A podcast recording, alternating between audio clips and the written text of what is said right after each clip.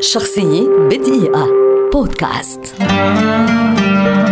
فرانسيس فورد كوبولا مخرج منتج وكاتب سيناريو أمريكي من أصول إيطالية ولد عام 1939 ويعد أحد أهم المخرجين في تاريخ السينما. قام في بداياته بإخراج بضعة أفلام في مجال الإثارة والرعب قبل أن يحصل عام 1971 على أوسكاره الأول لأفضل سيناريو عن فيلم باتن عام 1972 بسن التاسعة والعشرين قدم كوبولا أشهر أفلامه وأروعها على الإطلاق. العراب الفيلم الذي وضعه في مصاف العظماء والذي فاز عنه بجائزة الأوسكار لأفضل سيناريو. عام 1974 قدم كوبولا فيلمه الشهير The Conversation الذي فاز بجائزة الصعفة الذهبية. وقدم أيضا الجزء الثاني من فيلم العراب الذي لم يقل نجاحه عن نجاح الجزء الأول. لا بل يعتبره البعض الجزء الأفضل في الثلاثية. حصل الفيلم على ست جوائز أوسكار منها جائزتان لكوبولا كأفضل مخرج وأفضل سيناريو مقتبس.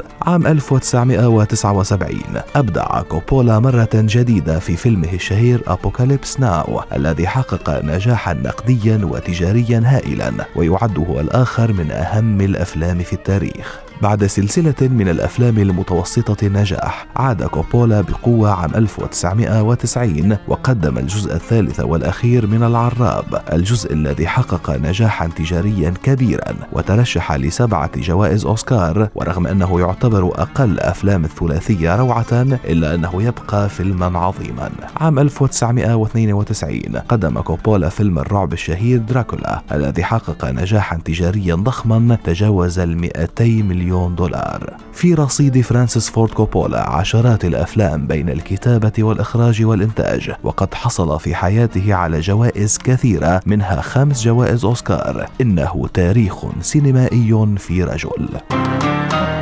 شخصية بدقيقة. بودكاست.